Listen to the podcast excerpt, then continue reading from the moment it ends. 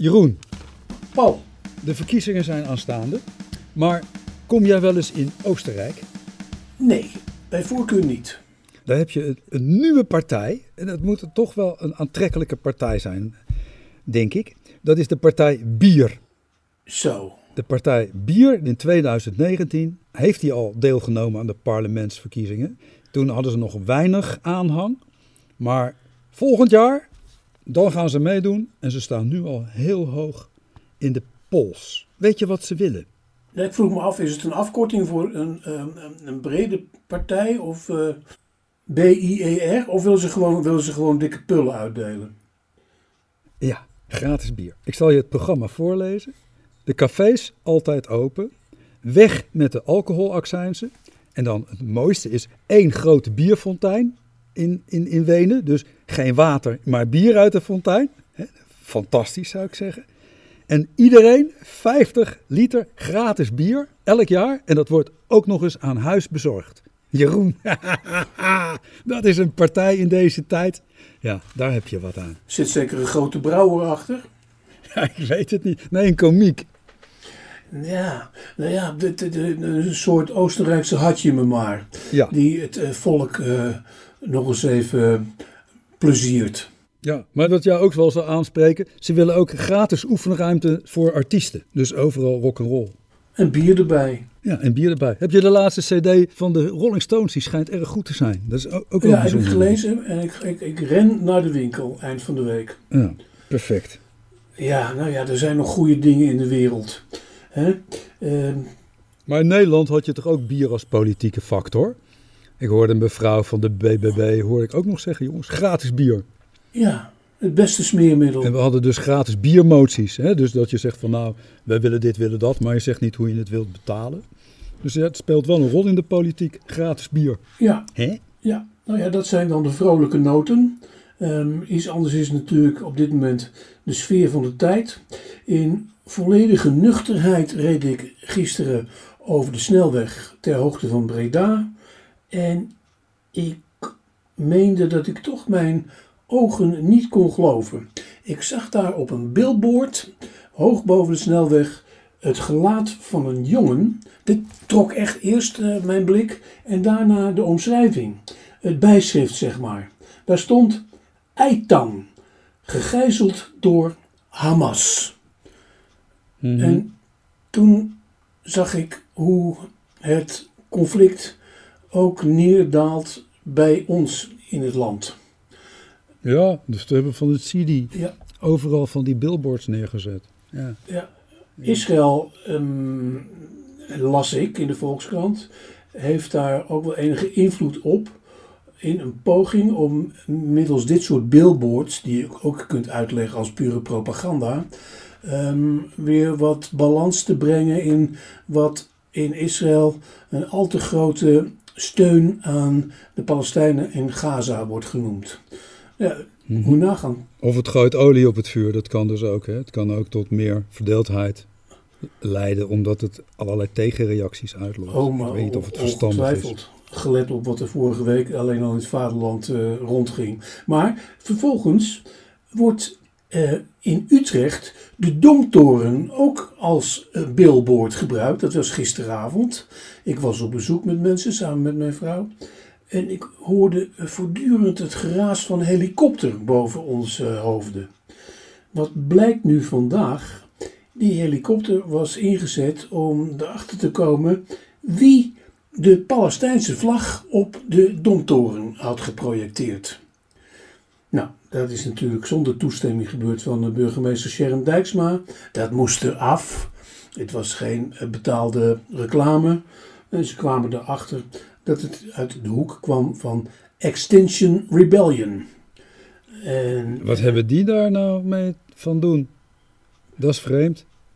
Nou ja, eh, die menen dat eh, naast het protest eh, tegen eh, fossiele brandstof eh, in de A12, Den Haag, eh, ze ook wel eens zouden mogen optreden tegen de onderdrukten in onze samenleving.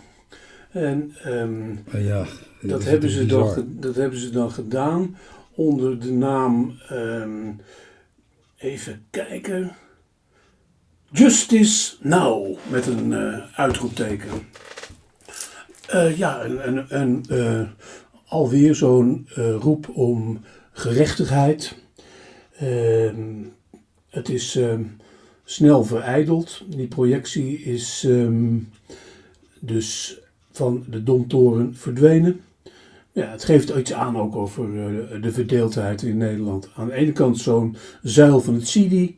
En aan de andere kant Domtoren gebruiken als zuil voor Palestina. In, uh, alleen maar een blijk van hoe dat dan in het laagland uh, zo wordt bekeken. Um, ik, ik heb vorige week met jou natuurlijk ook alles gevolgd. De gevoeligheden en de uitleg en de context en de balans.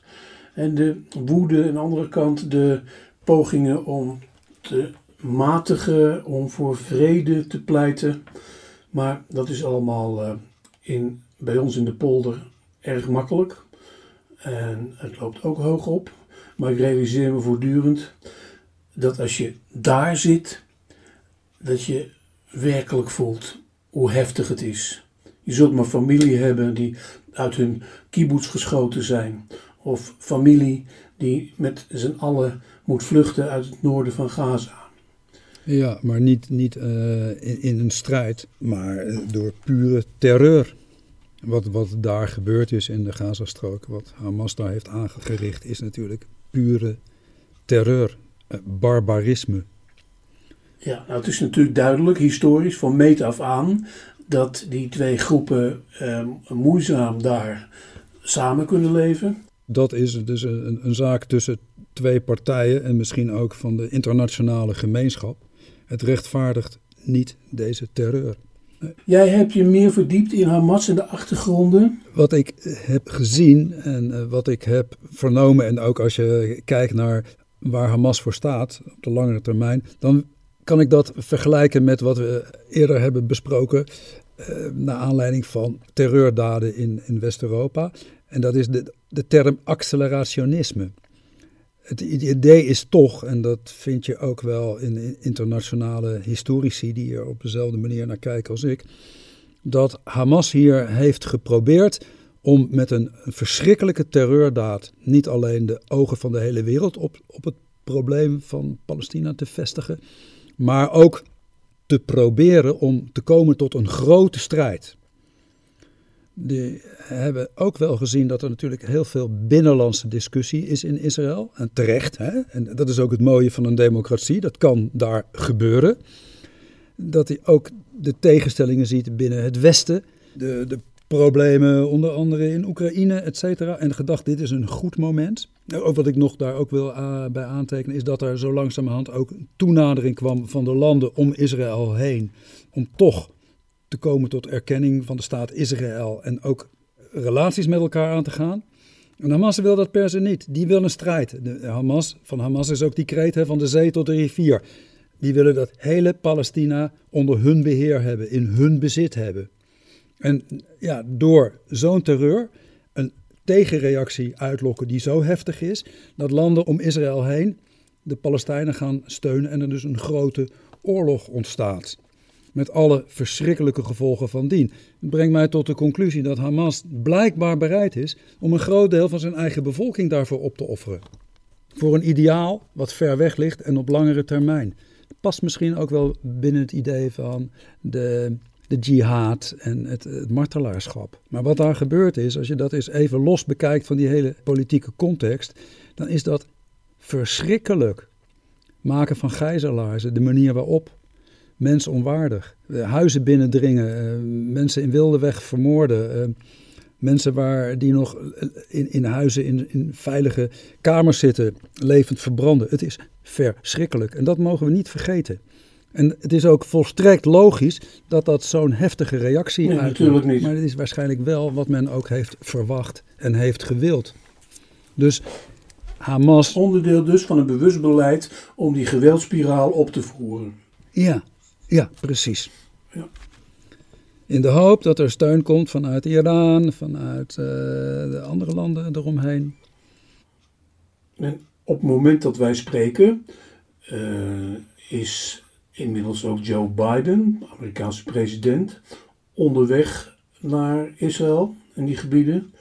Terwijl zijn minister van Buitenlandse Zaken, Anthony Blinken, al een paar dagen zich een slag in de ronde vliegt om te proberen om de boel te temperen.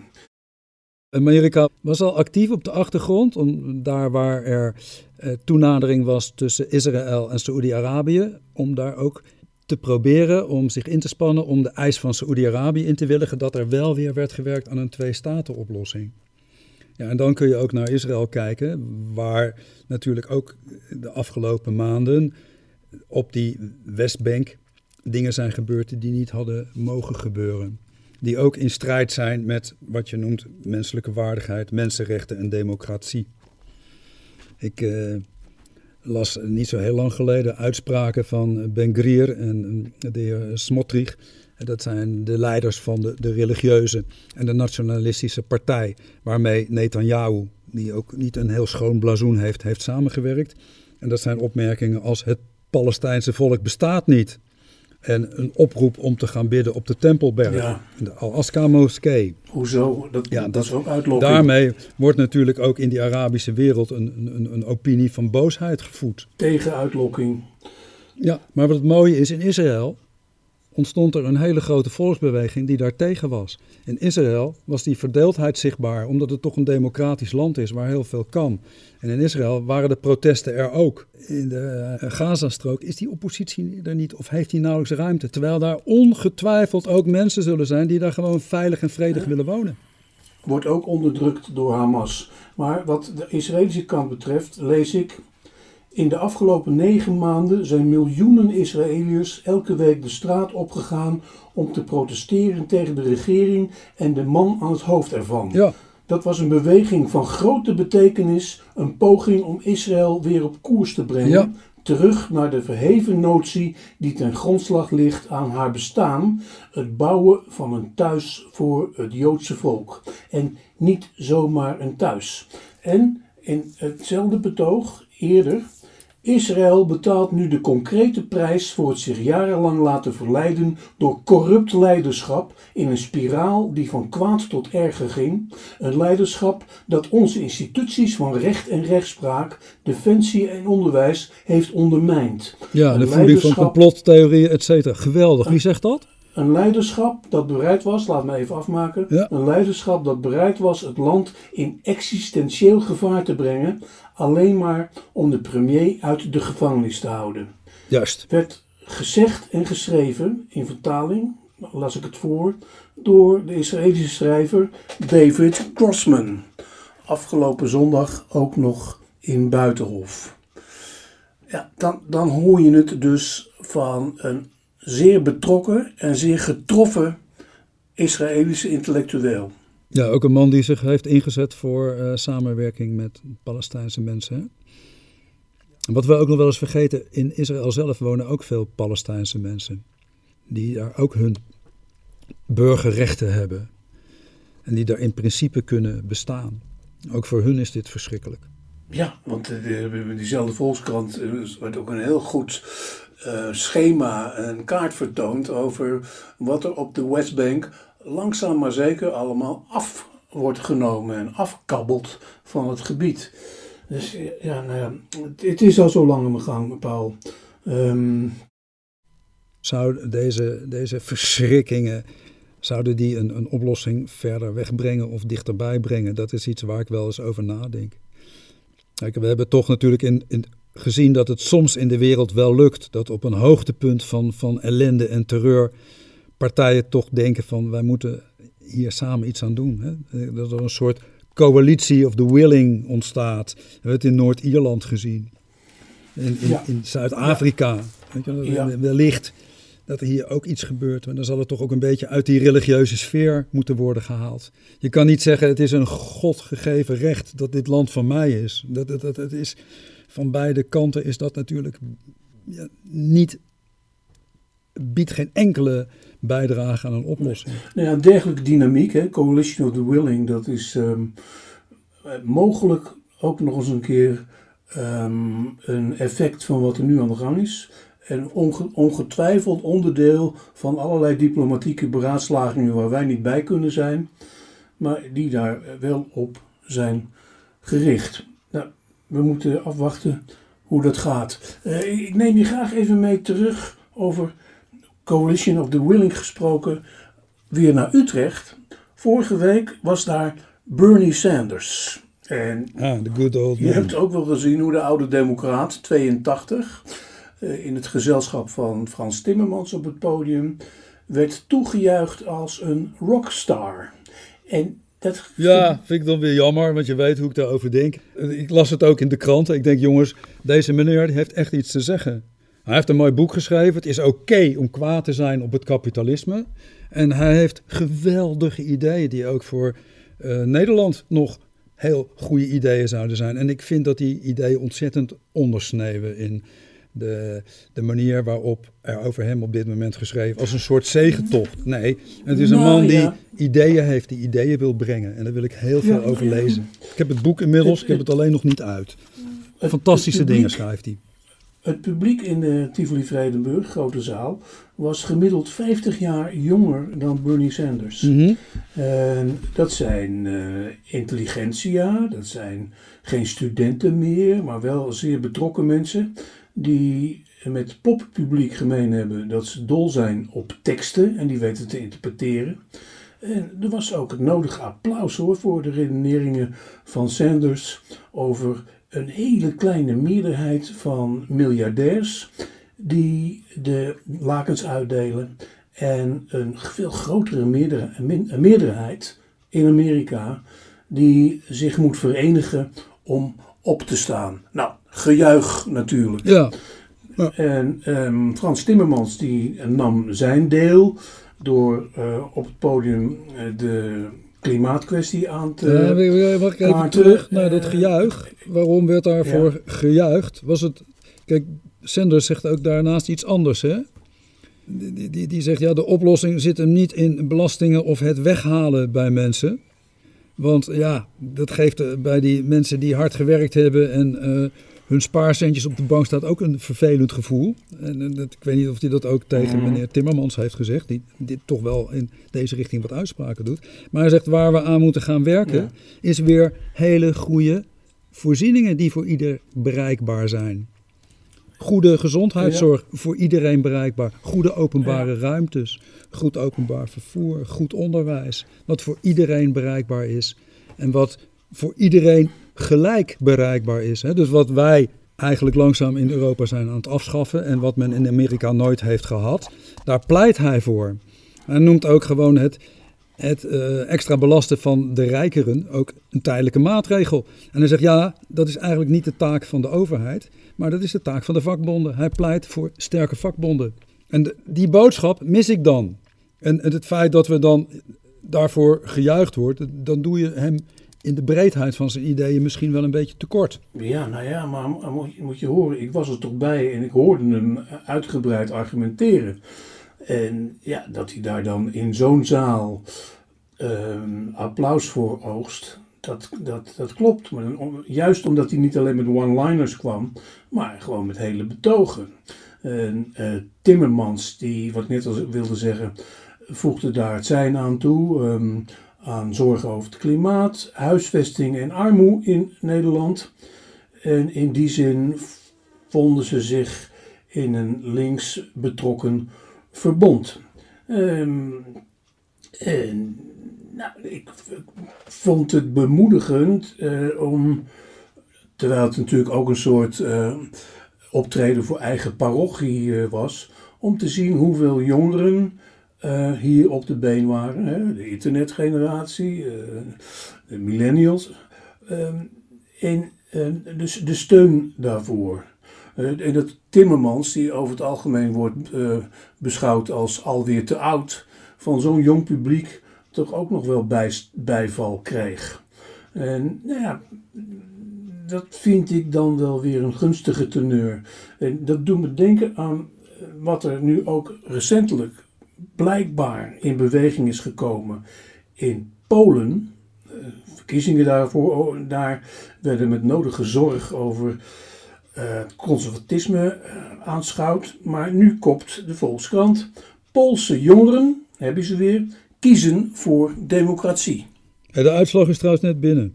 We zitten hier op de dinsdagmiddag. Uh, ja. Dus daar kunnen we zo nog eventjes iets over zeggen. En hoe ziet dat eruit volgens jou? Want jij hebt je de afgelopen weken dat toch nauwgezet gevolgd. De, de afgelopen maanden in aanloop naar de verkiezingen. En ik heb gezien hoe uh, vooral de PiS-partij radicaliseerde. Uh, de, de, de, de censuur uh, ongelooflijk is toegenomen. Ja, censuur, dit mag je eigenlijk niet zeggen, want censuur is verbieden van uitingen. Maar daar hebben ze zich ook wel schuldig aan gemaakt door allerlei journalisten processen aan te doen wegens belediging. Dat is een, ook een manier om mensen tot zwijgen te brengen.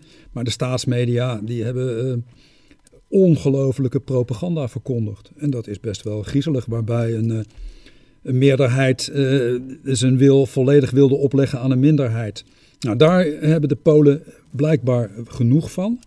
In zoverre dat de uitslag is dat PiS 35,6% van de stemmen heeft, alles geteld. En dat is de grootste partij in Polen. De Confederatie, een extreemrechtse partij, heeft 7,10%. Dus samen komen ze op 42,5% als ik snel reken. En dan is er dus geen rechtse meerderheid. Maar dan moeten de drie andere partijen het gaan doen, waar de burgercoalitie van Tusk de grootste is, 31%. Samen dan met de middenpartij, de Derde Weg en Nieuw Links met een procent op 9, die komen dan op 53% uit. Uh, de gedachte is dat Duda, president van Polen en lid van de PiS-partij, toch Jaroslav Kaczynski als eerste de opdracht gaat geven om een uh, regering te vormen. En dat de drie andere partijen dat zullen frustreren. En dat er dan wellicht een coalitie van drie partijen de macht kan overnemen in Polen. En ook zij zullen moeten denken aan minderheden aan de andere kant. Maar wellicht kunnen zij stapje voor stapje de democratische verworvenheden wel herstellen, de rechtsstaat herstellen. Ja. Maar dat zal niet zo makkelijk zijn. Niet makkelijk, uh, maar uh, zeker ook niet onmogelijk. Uh, in weerwil van de vrees dat een, een, een rechtse wind daar ook definitief zou opsteken en het klimaat en de sfeer in Polen bepalen. Blijkbaar, blijkbaar is dat anders. Het gaat niet alleen om het rechts of links natuurlijk, maar het gaat ook om gewoon de, de, de, de regels van een rechtsstaat. Dus een vrije pers, een, een onafhankelijke rechtspraak, mm. de, het rekening houden met minderheden. Nou, dat, dat was allemaal weg. Het grappige is, je zag soms op televisie mensen, er werd er gevraagd waarom stemt u op de PiS? En dan zeggen ze, ja, Kaczynski, hij zorgt goed voor ons. Ja, maar hij legt zijn wil op aan alle anderen. Dat speelt bijvoorbeeld bij abortus of bij LHBTI-rechten. Dan, dan eh, legt hij zijn wil aan anderen op en geeft mensen dus geen vrije keuze. Nou, dat kan men vrij snel herstellen. Maar het afbreken van de rechtsstaat, dat is toch wel lastig. Want er zijn natuurlijk allerlei mensen gedurende de afgelopen jaren op posities benoemd die je niet van de ene dag op de andere dag kunt ontslaan. De pers, die in, in de commerciële pers, die bijna volledig in handen is van aanhangers van de PiS-partij. Mm de rechters die zijn benoemd, ambtenaren die zijn benoemd. En dat moet men stapje voor stapje gaan afbreken. Rekening houden met het feit dat heel Polen achter deze ideeën moet worden verenigd, zodat we niet over vier jaar weer een, uh, nee. een afwijking de andere kant uit hebben. Dat is nog een, een lastige zaak. Ja. Wat fijn is dat ze voor Europa zijn. En dat is dan ook weer fijn omdat er dan miljarden vrijkomen die wellicht kunnen worden besteed aan het herstel van de rechtsstaat en het herstel van het vertrouwen van de mensen in elkaar. Dat is een sterk verdeeld land. maar denk je niet, in, in, in het verlengde van die jeugdige aanhang voor zo'n uh, stokoude jongeren als Sanders, dat ook in Polen de factor jeugd, jongere kiezer, niet een heel belangrijke factor is en iets uitwijst, ook aan ons in het laagblad, over de verandering van klimaat, over een opening of het begin van een opening?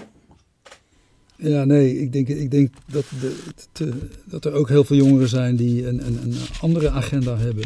Ik weet dat niet. Ik denk niet dat dat een jeugdbeweging is zoals we hem vroeger hadden. Nee, dat kan. Kijk eens, eh, in de landen om ons heen zie je ook de opkomst van eh, hele rechtse partijen. In Duitsland, pas verkiezingen geweest in Hessen en Beieren. Alternatieven voor Duitsland is daar sterk gegroeid. In Vlaanderen, een jaar voor de verkiezingen, worden op dit moment opiniepeiling gedaan. En dan blijkt Vlaams Belang de grootste partij te zijn. In Oostenrijk hetzelfde verhaal. Maar die verdeeldheid is er wel. En het ligt niet alleen aan ouderen, Nee. maar ook aan de, de middenmoot dertigers. Ja. Ja. Maar ze zijn niet allemaal rechts en ze zijn niet allemaal links. En heel veel houden van bier. Ja, ja, ja, ja, ja, ja, ja, ja, ja, ja, ja. Maar geloof in democratie, geloof in de rechtsstaat, geloof in een vrije pers. Niet langer geloven in eh, al die complottheorieën. Hè. Herwaarderen van feitelijkheden, herwaarderen van goede informatie. Dat is wel een opdracht voor eh, Europa op het ogenblik. Ik hoop dat wij in deze podcast deze gegevens recht hebben gedaan. Ja, dat hoop, dat hoop ik ook. Biertje. Hey, ja, biertje. De laatste peilingen waar die partij had meer dan 10%. Joh. Nationaal. Ah, wordt een gezellig land, Jeroen. Hey, tot de volgende week. Goed. Hoi.